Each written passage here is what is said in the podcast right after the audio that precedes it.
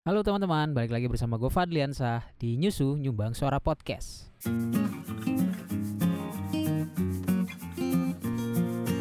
Halo teman-teman, tolong dibantu untuk di follow Instagram dari Nyusu Nyumbang Suara Podcast. Baru banget gue bikin, namanya nyusu.podcast. Jadi di sana gue bakal share konten-konten mengenai berita yang lagi hangat, berita-berita politik juga pastinya banyak, berita-berita musik atau berita-berita yang berkenaan dengan podcast ini gitu dan itu baru banget gue bikin dan masih sangat sedikit followernya jadi tolong banget dibantu untuk di follow namanya nyusu.podcast Oke, sudah di follow teman-teman? Kalau udah di follow langsung aja kita masuk ke episode ke-6 kali ini. Jadi episode ke-6 kali ini gue mau bahas mengenai proses pembuatan undang-undang. Kenapa menjadi penting?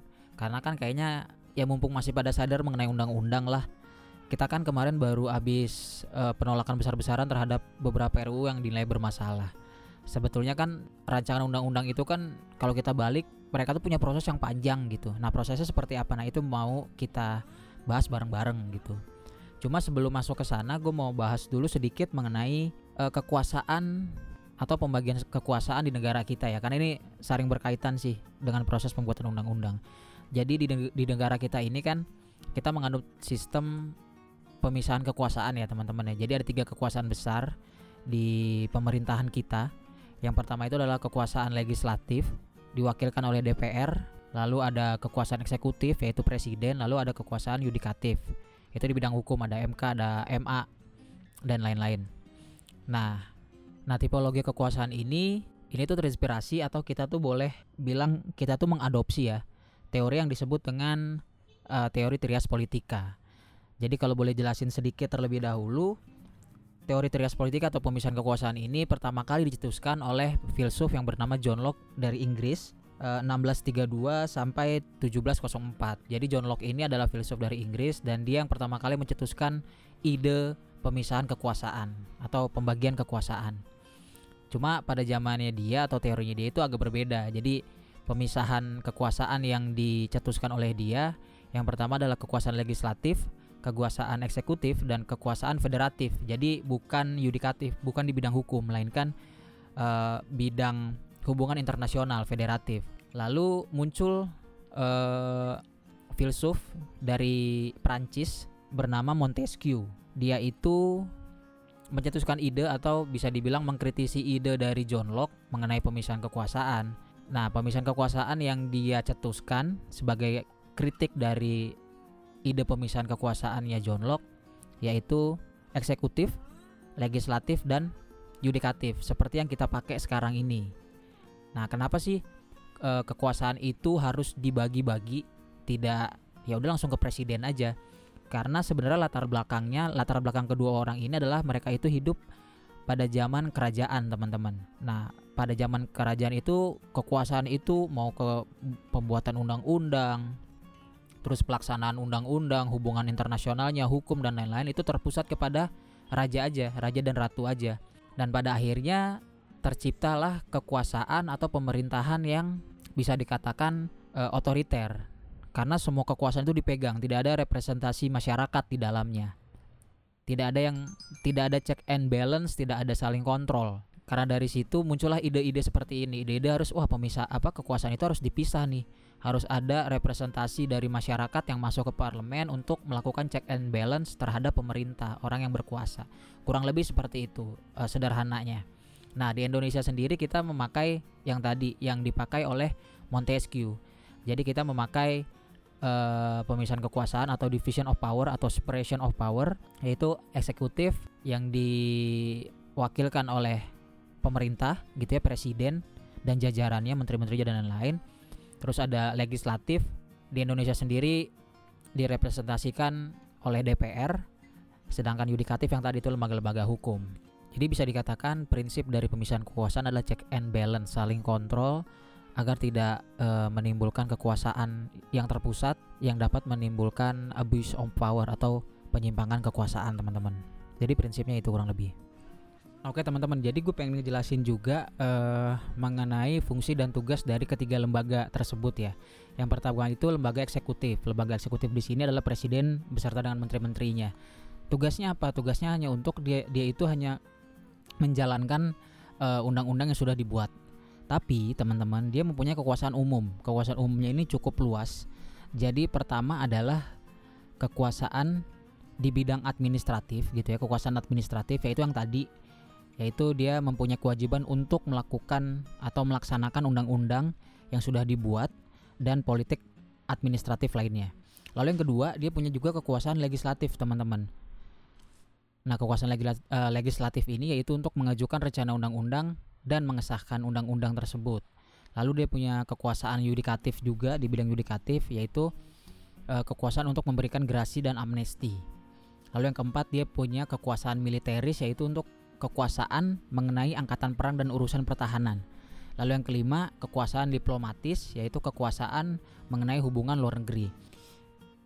Bisa kita simpulin gitu ya untuk eksekutif sendiri dia mempunyai tugas yang sederhana yaitu untuk menjalankan undang-undang aja, tapi cakupan kekuasaan yang dia punya itu cukup luas.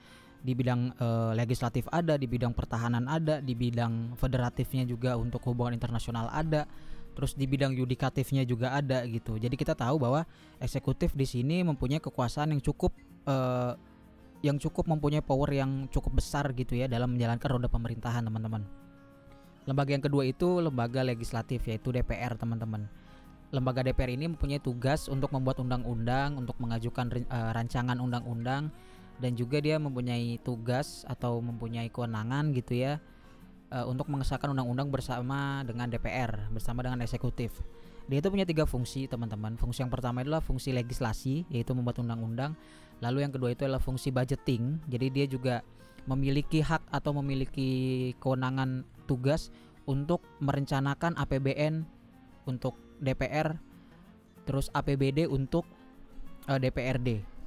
Tentunya untuk perencanaan anggaran pembelanjaan negara ataupun daerah ini dia bersama-sama berkonsultasi gitu ya pembahasan itu bareng-bareng dengan eksekutif. Lalu yang ketiga dia punya fungsi pengawasan. Jadi dia itu juga uh, bertugas untuk mengawasi kinerja eksekutif gitu.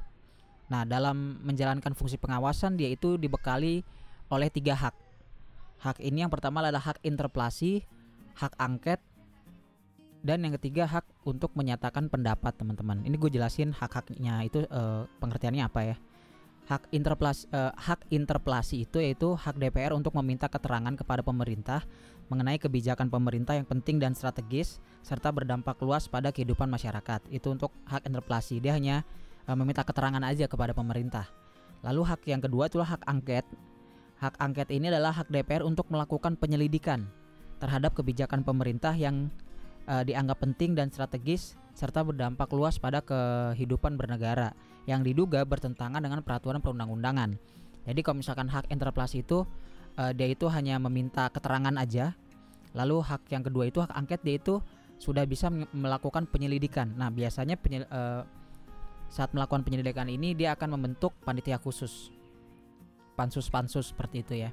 Lalu yang ketiga itu adalah hak menyatakan pendapat yaitu hak DPR untuk menyatakan pendapat terhadap kebijakan pemerintah atau mengenai kejadian luar biasa yang terjadi di tanah air yang disertai dengan solusi tindak lanjut dari hak interpelasi dan hak angket. Nah, dalam menggunakan hak angketnya, DPR ini dapat melakukan pemanggilan paksa dan jika panggilan paksa ini tidak dipenuhi oleh pemerintah, DPR dapat melakukan penyanderaan. Waduh. ya jadi kurang lebih kayak gitu. Jadi dalam dalam menjalankan fungsi pengawasan dia itu dibekali oleh tiga hak tadi ya teman-teman ya. Lalu masuk ke lembaga yang ketiga yaitu lembaga yudikatif teman-teman. Nah lembaga yudikatif ini dia itu dibagi menjadi tiga mahkamah gitu ya, tiga komisi ataupun tiga tiga lembaga.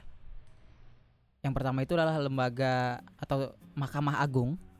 Lalu yang kedua itu adalah ada Mahkamah Konstitusi.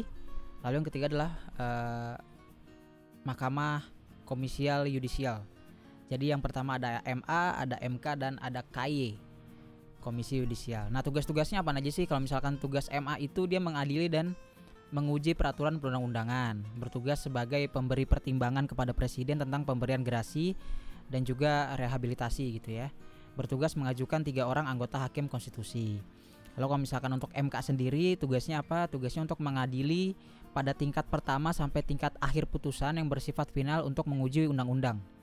Bertugas memutuskan persengketaan, terus memutuskan pembubaran partai politik juga, terus bertugas memutuskan perselisihan dan persengketaan terkait hasil pemilu. Terus juga MK mempunyai tugas memberikan keputusan tentang pendapat DPR atau tentang dugaan pelanggaran oleh presiden dan wakilnya sesuai dengan undang-undang. Ini berkaitan dengan yang tadi nih fungsi pengawasan DPR. Terus yang ke selanjutnya itu bertugas untuk menerima usulan pemberhentian presiden dan wakilnya dari DPR untuk segera ditindaklanjuti. Eh sorry, gue ulang ya. Untuk yang terakhir ini bertugas menerima usulan pemberhentian presiden dan wakilnya dari DPR untuk segera ditindaklanjuti. Ini sama, ini eh, berkaitan dengan fungsi pengawasan DPR tadi. Lalu yang ketiga itu eh, Komisi Yudisial atau KY bertugas untuk mengusulkan pengangkatan hakim agung Lalu yang terakhir bertugas untuk menjaga serta menegakkan kehormatan, keluhuran, martabat dan juga perlakuan hakim. Kurang lebih kayak gitu.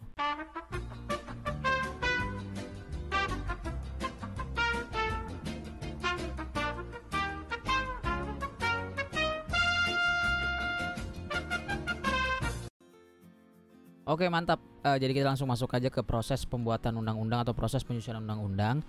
Nah, untuk tahu bagaimana proses pembuatan atau penyusunan undang-undang, teman-teman bisa melihat nom, uh, undang-undang nomor 12 tahun 2011 di sana dijelaskan tata cara atau uh, proses pembuatan undang-undang, teman-teman. Nah, jadi proses pembuatan undang-undangnya seperti apa sih gitu ya. Kalau misalkan ini gue udah rangkum dan coba untuk di apa namanya? di sederhanakan gitu ya. Nah, di sini tuh proses pembuatan undang-undang itu diaturnya dalam pasal-pasalnya ya tadi yang udah gue informasiin bahwa proses pembuatan undang-undang itu diatur dalam Undang-Undang Nomor 12 Tahun 2011. Pasal-pasalnya pasal-pasal apa aja? Di situ ada pasal 16 sampai dengan pasal 23, ada pasal 43 sampai dengan 51 dan ada pasal 65 sampai dengan pasal 74. Nah, di sini proses-proses langsung aja gue gua informasiin bahwa RUU ini dapat berasal dari DPR atau presiden. Jadi pengajuan uh, uh, rancangan undang-undang itu bisa dari DPR, bisa juga di, uh, dari eksekutif atau dari presiden, teman-teman. Nah, untuk RUU atau rancangan undang-undang dari DPR itu diajukan oleh anggota DPR, boleh komisi juga, komisi gabungan atau alat kelengkapan DPR yang khusus menangani bidang legislasi atau Dewan Perwakilan Daerah DPD. Nah, sedangkan RUU yang diajukan oleh presiden itu disiapkan oleh menteri atau pimpinan lembaga pemerintahan non kementerian sesuai dengan lingkup tugas dan tanggung jawabnya. Nah, RUU tersebut nanti kemudian disusun dalam pro, uh, program legislasi nasional atau pro, uh, prolegnas oleh Badan Legislasi DPR untuk jangka panjang jangka waktu lima tahun serta dibuat pula dalam jangka waktu tahunan yang berisi RUU yang telah diurutkan prioritas pembahasannya. Lalu setiap RUU yang diajukan harus dilengkapi dengan naskah akademik kecuali untuk RUU anggaran pendapatan dan belanja negara APBN gitu ya RUU penetapan peraturan pemerintah pengganti undang-undang Perpu menjadi UU serta RUU pencabutan UU atau pencabutan Perpu. Nah, itu nggak perlu pakai naskah aska, naskah akademik. Selain itu itu harus uh, ada naskah akademiknya untuk RUU-nya gitu. Setiap RUU yang diajukannya. Terus pimpinan DPR memberitahukan adanya RUU dan membagikan RUU kepada seluruh anggota DPR dalam rapat paripurna. Jadi nanti di paripurna nih misalkan udah diajukan RUU-nya nanti saat uh, rapat paripurna anggota atau pimpinan DPR itu di ngasih tahu tuh ke apa namanya ke seluruh anggota DPR bahwa ada RUU dan nanti dibagiin uh, silabusnya atau kurang lebih RUU-nya itu seperti apa. Lalu DPR dalam rapat paripurna berikutnya, rapat paripurna lagi nih, itu memutuskan RUU tersebut disetujui atau enggak gitu persetujuan dengan perubahan atau penolakan jadi nanti ada tiga uh, apa namanya tiga tiga tiga reaksi atau uh, tiga kesimpulan gitu ya setelah RUU dibagi ini pada rapat paripurna pertama. Terus nanti rapat paripurna kedua nih RUU ini nih nanti statusnya seperti apa? Jadi anggota DPR itu melihat RUU ini seperti apa gitu? Apakah kita setujui sebagai rancangan undang-undang baru atau persetujuannya dengan perubahan gitu kan atau ditolak sekalian gitu. Terus selanjutnya RUU ini nanti ditindaklanjuti dengan dua tingkat pembicaraan. Jadi pembicaraan tingkat pertama dilakukan dalam rapat komisi, rapat gabungan komisi, rapat balek, eh, badan legislasi, rapat badan anggaran dan rapat panitia khusus pansus. Kegiatan dalam pembicaraan tingkat satu ini dilakukan dengan pengantar musyawarah, pembahasan daftar invest, inventarisasi masalah, dan penyampaian pendapat mini friksi, uh, mini fraksi. Pembicaraan tingkat dua, nah, pembicaraan tingkat dua ini dilakukan dalam rapat paripurna. Dalam rapat paripurna itu berisi penyampaian apa aja isinya gitu ya. Yang pertama penyampaian laporan yang berisi proses pendapatan mini friksi, pendapat mini DPD dan hasil pembicaraan tingkat satu.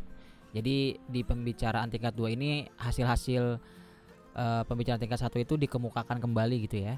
Terus yang kedua pernyataan persetujuan atau penolakan dari tiap-tiap fraksi dan anggota secara lisan yang diminta oleh pimpinan rapat paripurna dan yang ketiga pendapat akhir presiden yang disampaikan oleh menteri yang mewakili. Jadi lagi-lagi memang proses pembuatan eh, undang-undang ini selalu melibatkan dua pihak ya, eksekutif dan legislatif. Nggak hanya DPR aja tapi juga melibatkan pemerintah. Terus misalkan bila tidak tercapai kesepakatan melalui musyawarah mufakat, keputusan diambil dengan suara terbanyak. Jadi kalau misalkan memang RUU ini e, banyak yang nolak gitu ya misalkan ya. Atau e, stuck nih. Gak ketemu nih, nih RUU mau kita bahas uh, mau lanjut jadi undang-undang pembahasannya atau stuck nih banyak yang nolak juga atau seperti apa gitu ya nah kalau kayak gitu keadaannya itu mau nggak mau itu melalui musyawarah dulu musyawarah mufakat dan nanti keputusan itu diambil melalui suara terbanyak atau voting.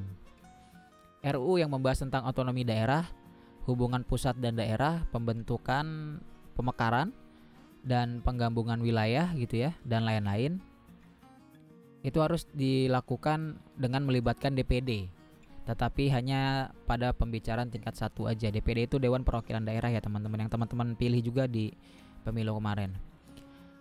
Nah dalam penyampaian pembahasan RUU termasuk e, pembahasan RUU tentang APBN masyarakat berhak memberikan masukan secara lisan dan atau tertulis kepada DPR melalui pimpinan DPR atau alat kelengkapan DPR lainnya. Nah, poin ini sangat penting teman-teman. Jadi sebenarnya dalam penyiapan atau pembahasan rancangan undang-undang kita itu berhak, kita itu punya hak untuk terlibat dalam prosesnya.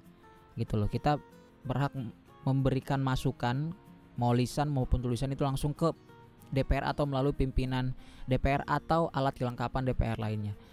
Yang jadi permasalahan itu teknisnya yang seperti apa gitu. Kita tuh bisa kita tuh seperti apa? Apakah kita kayak semacam nulis surat aja atau kita bisa datang audiensi ke DPR cuma kan kita nggak tahu nih. Kadang juga DPR itu kurang terbuka gitu tentang RUU RUU yang sedang dibahas dan progresnya seperti apa. Kalau misalnya kita tahu jadwal-jadwalnya mungkin orang-orang yang kritis itu akan bisa bisa bisa ikut terlibat gitu kan nah di sini di sini yang yang menurutku menjadi problem gitu.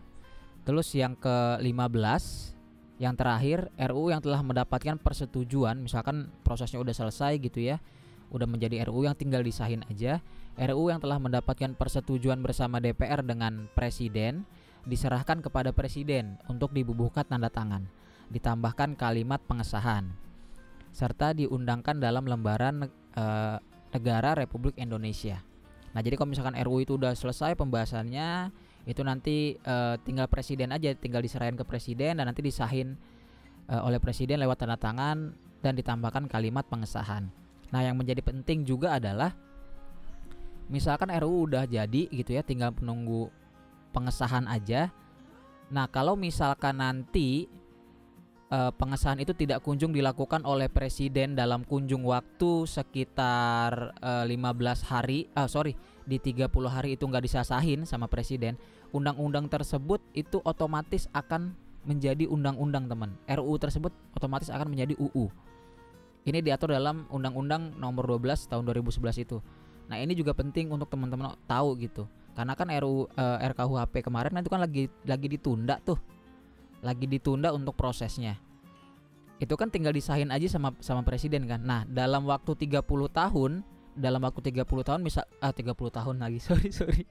Lama banget anjir 30 tahun. Dalam waktu 30 hari kalau misalkan itu nggak disahin itu udah otomatis menjadi undang-undang loh. Dan itu berlaku. Nah ini harus kita kawal terus-terusan nih teman-teman. Jangan sampai nanti ini tuh malah jadi bermasalah gitu kan. E, bilang ditunda lewat aja sampai 30 hari nggak udah sah karena ini diatur oleh undang-undang teman-teman. Itu tadi ya uh, mengenai proses penyusunan undang-undang kurang lebih kayak gitu. Itu diatur. Sekali lagi gue informasikan bahwa proses penyusunan undang-undang itu diatur dalam undang-undang nomor 2000 uh, nomor 12 tahun 2011 nah uh, coba kita kritisi ya gitu kan. Bahwa memang ada proses panjang gitu dalam pembuatan atau perumusan undang-undang gitu. Dan itu melibatkan dua pihak. Ada presiden dan juga ada DPR tadi di poin kalau gua nggak salah tadi ada poin di mana kita itu dapat terlibat, kita punya hak untuk terlibat dalam proses penyusunan undang-undang. Kalau misalkan ini bisa maksimal menurut gua RUU bermasalah nggak akan lahir teman-teman. Kalau misalkan memang masyarakat itu bisa terlibat atau dilibatkan gitu ya oleh oleh oleh oleh DPR dalam proses penyusunan undang-undang.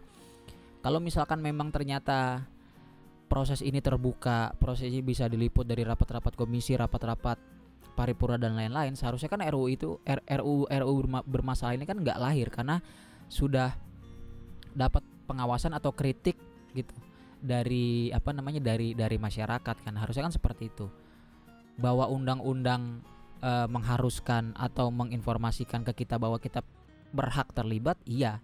Tapi teknis terlibatnya seperti apa sih sebetulnya? Tadi di, di, di, di apa namanya sudah disinggung bahwa kita bisa berkirim surat bisa mau bisa lewat lisan juga.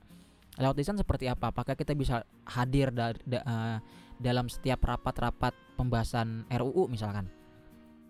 Apakah kita sebagai orang awam atau orang dari LSM dari ormas apakah memang dapat hadir? Atau sebetulnya kita bisa dapat undangan dari uh, eh, DPR nah yang kayak gini-gini tuh kita nggak tahu teman-teman. Menurut gue uh, komunikasi DPR ke masyarakat itu tuh nggak nyampe gitu untuk dalam dalam proses eh, RUU ini. Karena kalau misalkan gimana ya gue maksud gue gini loh kalau misalkan kita bisa ikut terlibat dari awal seharusnya RUU RUU yang bermasalah nggak akan ini dong nggak akan apa namanya nggak akan lahir kan. Nah di satu sisi DPR tuh kayak nggak terbuka gitu loh ke masyarakat bahwa kita ini sedang membahas RUU nih gitu loh. Harusnya kan dia juga open gitu loh. Ada uh, semua RUU yang lagi dibahas itu harusnya mereka publish bisa dijangkau oleh masyarakat. Lalu di sana tuh ada informasi gitu loh bahwa masyarakat diundang untuk bisa hadir.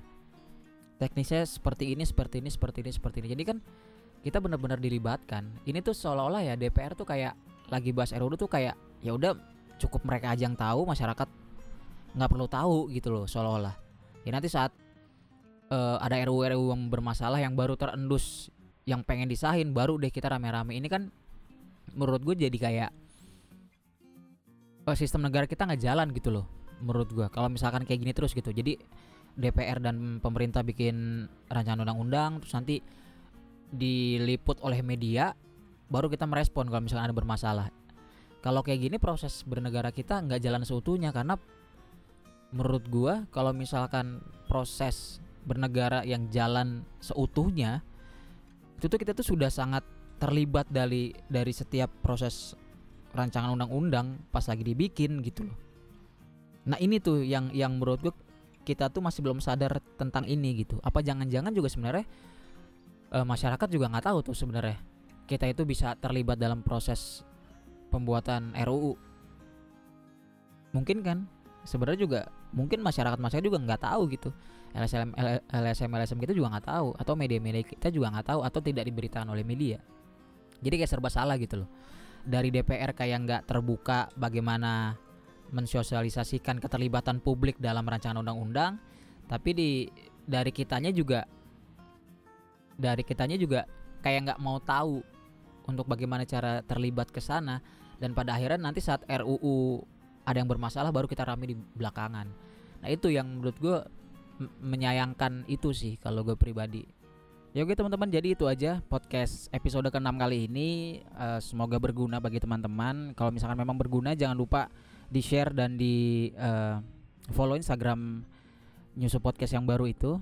Masih sedikit banget followernya jangan lupa di follow dan nanti kalau misalkan memang teman-teman punya pemikiran teman-teman punya pendapat teman-teman uh, bisa langsung ditulis uh, aja di kolom komentar.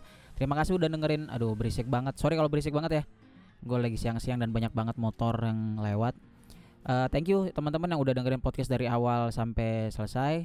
Jangan lupa follow Instagram dari Nyusu Podcast di nyusu.podcast. Thank you udah dengerin. Sampai jumpa.